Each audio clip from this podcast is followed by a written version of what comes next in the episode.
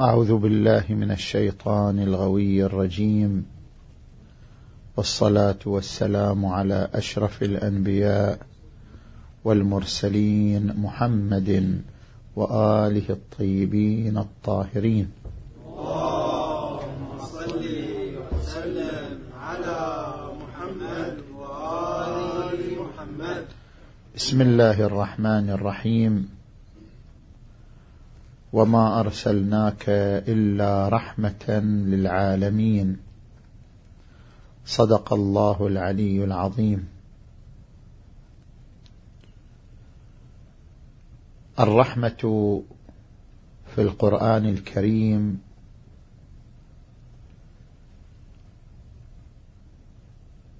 لها مثالان المثال الأول الرحمة الرحمانية والمثال الآخر الرحمة الرحيمية فالرحمة الرحمانية هي الرحمة العامة التي شملت جميع الموجودات من دون استثناء فإن كل الموجودات أعطيت نعمة الخلق ونعمة الهداية كما قال تبارك وتعالى الذي أعطى كل شيء خلقه ثم هدى فكل شيء حصل على نعمة الخلق وحصل على نعمة الهداية بمعنى أنه يسير نحو هدف محدد معين فهذه هي الرحمة الرحمانية التي شملت جميع الموجودات وهناك رحمة رحيمية وهي رحمة خاصة بالمؤمنين وليست لجميع الموجودات هذه الرحمة الرحيمية هي عبارة عن اللطف الذي يهبه الله قلب المؤمن إذا سعى المؤمن نحو اللطف إذا سعى المؤمن نحو الهداية لاحظوا مثلا قوله عز وجل والذين جاهدوا فينا لنهدينهم سبلنا من سعى نحو الهداية رزق الهدايه فهذه الهداية التي تأتي بعد السعي هي رحمة رحيمية هي رحمة خاصة وقال تبارك وتعالى فمن يرد الله أن يهديه يشرح صدره للإسلام ومن يرد أن يضله يجعل صدره ضيقا حرجا كأنما يصعد في السماء شرح الصدر للإسلام هو عبارة عن رحمة رحيمية خاصة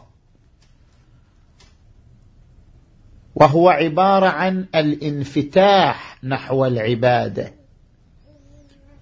لاحظوا الناس على قسمين قسم يتثاقل من العباده يتكاسل عن العباده اذا اقبل على العباده اقبل بتثاقل اقبل بتسا بتكاسل اما لان فكره وقلبه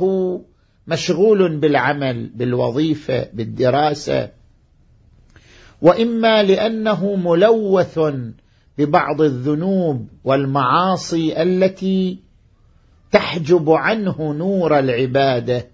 فلا ينفتح عليها ولا ينشرح قلبه لها ولذلك اشارت الايه الى هذين القسمين القسم المنفتح على العباده والقسم المنغلق امام العباده فمن يرد الله أن يهديه يشرح صدره للإسلام انشراح الصدر للإسلام هو عبارة عن الانفتاح على العبادة تراه يرغب في الصلاة يرغب في النافلة يرغب في قراءة القرآن وقال تبارك وتعالى في آية أخرى أفمن شرح الله صدره للإسلام فهو على نور من ربه النور يملأ قلبه ولذلك هو يحب العبادة ويحب التقرب إلى الله عز وجل هذا الشخص حصل على الرحمة الرحيمية وهناك قسم آخر من الناس يثقل عليه أن يمارس العبادة لولا أن الصلاة واجبة عليه ما أتى بها لا يرغب في الدعاء لا يرغب في قراءة القرآن هذا الشخص عبر عنه القرآن الكريم بأنه ضيق ومن يرد أن يضله يجعل صدره ضيقا حرجا كأنما يصعد في السماء الضيق ليس بمعنى ضيق التنفس لا وإنما معنى الضيق الانصراف عن العبادة تراه ينفتح على أن يسمع الموسيقى تراه ينفتح على أن يختلط بأصدقائه لكن من ناحية العبادة يضيق صدره بأن يمارس العبادة ضيقا حرجا كأنما يصعد في السماء وهذا نتيجة الانصهار والانغماس في الذنوب قال تبارك وتعالى كلا بل ران على قلوبهم ما كانوا يكسبون إذا هناك رحمة رحمانية لجميع الموجودات وهناك رحمه رحيميه خاصه بالمؤمنين ثم ناتي لهذه الايه التي افتتحنا بها وهي قوله عز وجل وما ارسلناك الا رحمه للعالمين ما هو مدلول الايه المباركه هنا مفردتان في الايه المباركه تتعلقان بالنبي محمد وسلم على محمد وآل محمد المفردة الأولى أن النبي رحمة وما معنى كون النبي رحمة هل هو من قسم الرحمة الرحمانية أو من قسم الرحمة الرحيمية إن الآية تقول بأن رحمة النبي هي جامعة لكلا النوعين من الرحمة النبي رحمة رحمانية والنبي رحمة رحيمية النبي رحمة لكل شيء والنبي رحمة خاصة بالمؤمنين فالنبي صلى الله عليه واله هو مجلى الرحمتين الرحمه الرحمانيه والرحمه الرحيميه لذلك لاجل ان يبين تعالى ان رحمه النبي عامه قال المفرده الثانيه رحمه للعالمين لا لخصوص المؤمنين ولا لخصوص المسلمين أنت رحمة للعالمين العالمين جمع العوالم كلها العوالم أول عالم هو عالم الجبروت يعني عالم العقول أول ما خلق الله العقول كما ورد في الرواية الشريفة أول ما خلق الله العقل فقال له أقبل فأقبل ثم قال له أدبر فأدبر قال بك أثيب وبك أعاقب ثم يأتي عالم الملكوت وهو عالم الأرواح والنفوس عالم الذر الذي كنا فيه ثم جئنا لهذا العالم عالم الماده والعالم الثالث عالمنا عالم الماده عالم الوجود المادي هذه العوالم كلها خضعت وتشرفت برحمه النبي صلى الله عليه واله نوره صلى الله عليه واله ملا هذه العوالم كلها لذلك كان رحمه للعالمين وليس رحمه لخصوص الانس او الجن او هذا العالم المادي بل هو رحمه للعالمين جميعا وما ارسلناك الا رحمه للعالمين ومضافا الى انه صلى الله عليه واله رحمه رحمانيه من نوره ابدع هذا الوجود فقد ورد عنه صلى الله عليه واله أول ما خلق الله نوري ونور علي بن أبي طالب ومن نوره وجد الكون ومن نوره أبدع هذا الوجود كله فهو رحمة للعالمين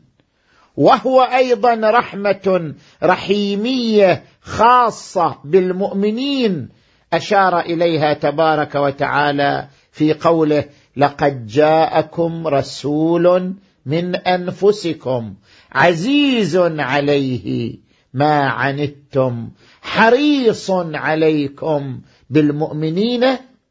رؤوف رحيم وقال تبارك وتعالى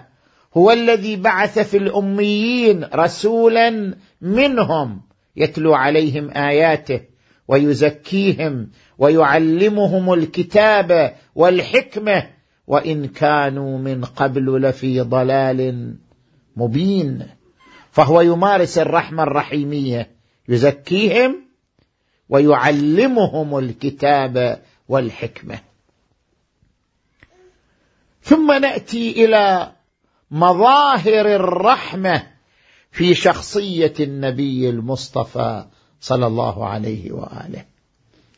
ما هي مظاهر الرحمة في شخصيه النبي المصطفى صلى الله عليه واله اول مظهر من مظاهر الرحمه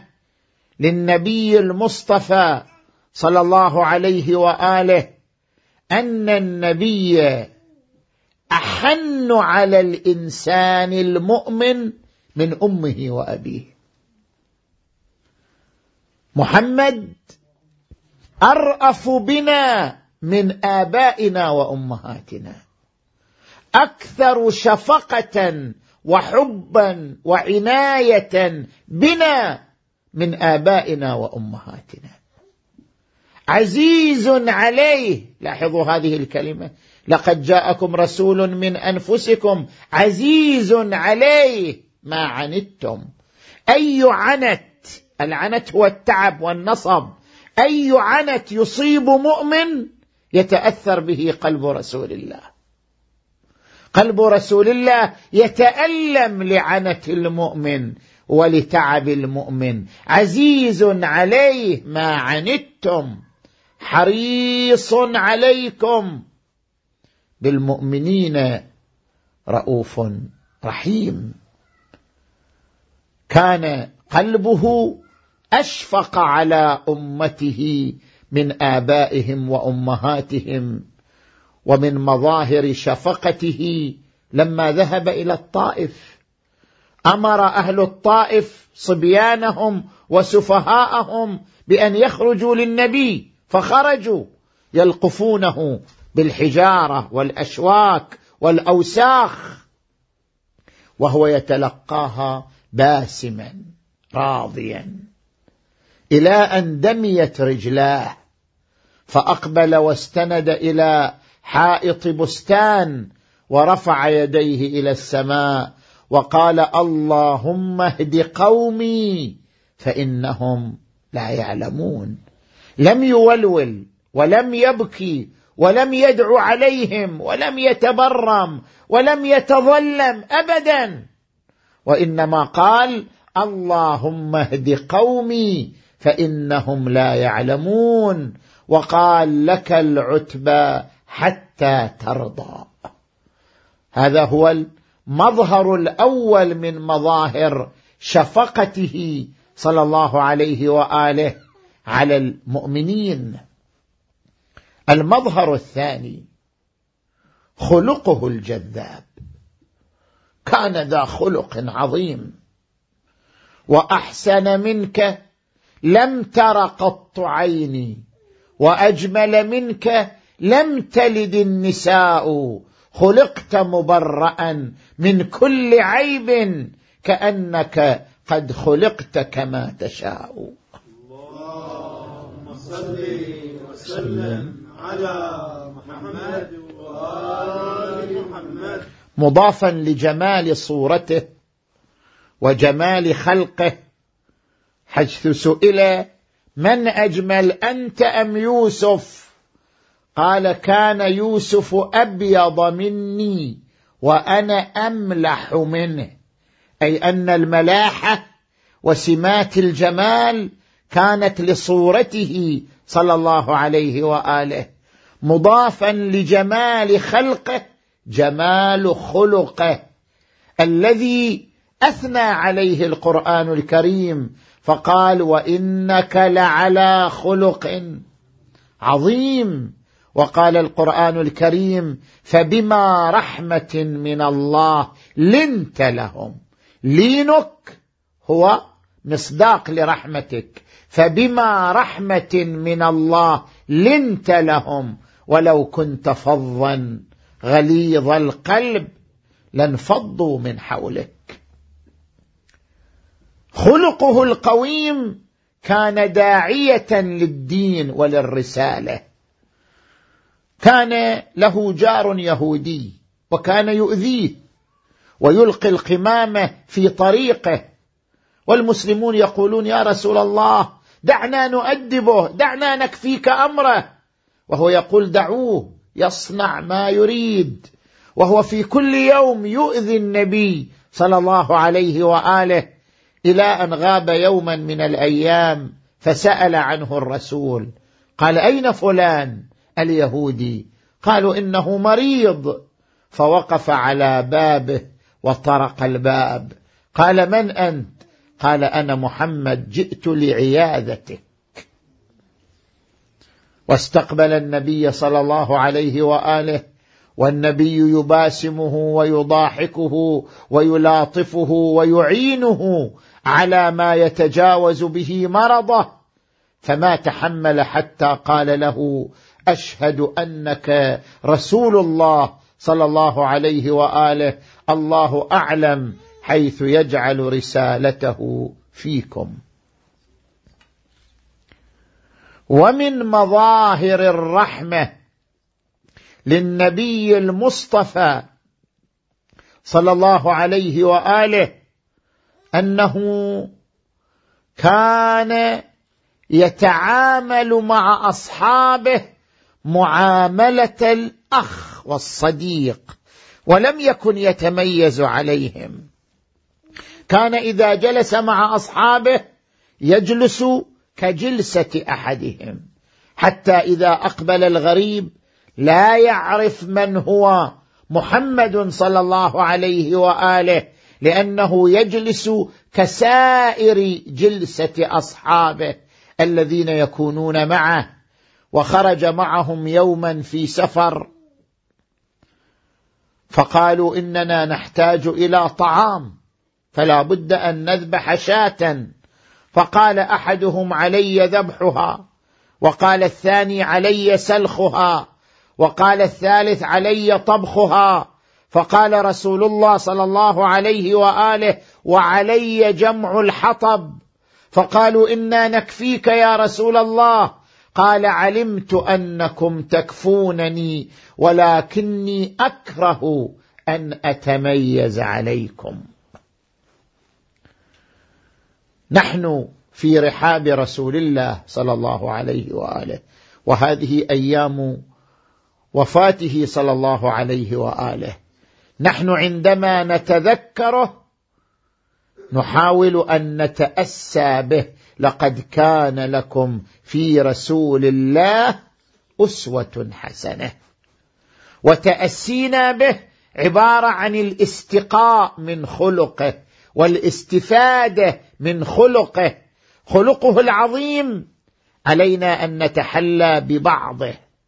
علينا ان نتعامل مع كل من نلقى بالبسمة والتواضع كما كان رسول الله صلى الله عليه وآله لا فرق بين من يلتقينا بين أن يكون مسلم أو غير مسلم من أهل الكتاب أو من غير أهل الكتاب أي إنسان نلقاه نتعامل معه بالبسمة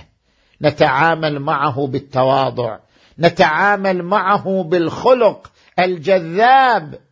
كما كان رسول الله صلى الله عليه واله يتعامل مع الكل بهذه الاخلاق وبهذه القيم وبهذه المثل العظيمه وهذا ما اشار اليه القران الكريم في قوله والكاظمين الغيظ والعافين عن الناس والله يحب المحسنين ويقول القران الكريم إن الله يأمر بالعدل والإحسان وإيتاء ذي القربى وينهى عن الفحشاء والمنكر والبغي يعظكم لعلكم تذكرون وورد عن الإمام الصادق عليه السلام قال إن الرجل منكم إذا صدق في حديثه وورع في دينه وأدى الأمانة وحسن خلقه مع الناس قيل هذا جعفري هذا هو الجعفري وقيل هذا أدب جعفر فيسرني ذلك الجعفري هو الصادق لا الكاذب هو الورع الذي لا يدخل في الشبهات لا الشخص الذي ينغمس في الشبهات الامين لا الذي يخون حسن الخلق المتواضع وليس المتكبر الجعفري من يجمع هذه الخصال الاربع الصدق والامانه والورع وحسن الخلق فاذا تحلى بهذه الصفات الاربع مع جميع الناس مسلما ام غير مسلم كان مثالا لرسول الله صلى الله عليه واله وكان امتدادا لنهج رسول الله صلى الله عليه واله وهذا هو ما اراده النبي صلى الله عليه واله عندما قال الدين المعامله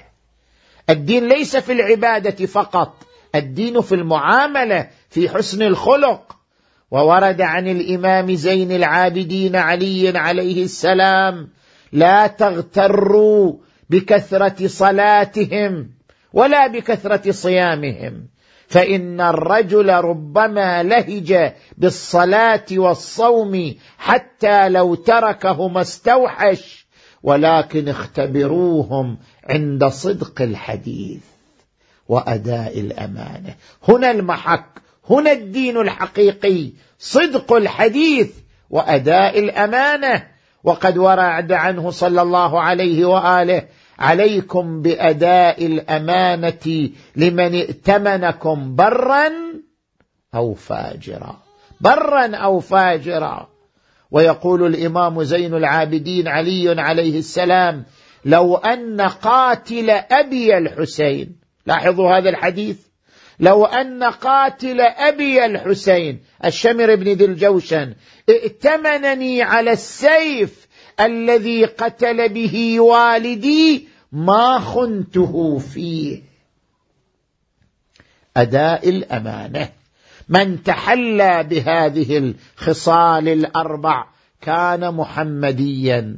وكان مصداقا للرحمه الرحيميه التي تحلى بها النبي المصطفى صلى الله عليه واله وصار حقيقا بقوله عز وجل وما ارسلناك الا رحمه للعالمين نسال الله تبارك وتعالى ان يجعلنا ممن اقتدى برسول الله وممن سار على نهج رسول الله صلى الله عليه واله وممن تبع رسول الله صلى الله عليه واله والحمد لله رب العالمين والصلاه والسلام على اشرف الانبياء والمرسلين محمد واله الطيبين الطاهرين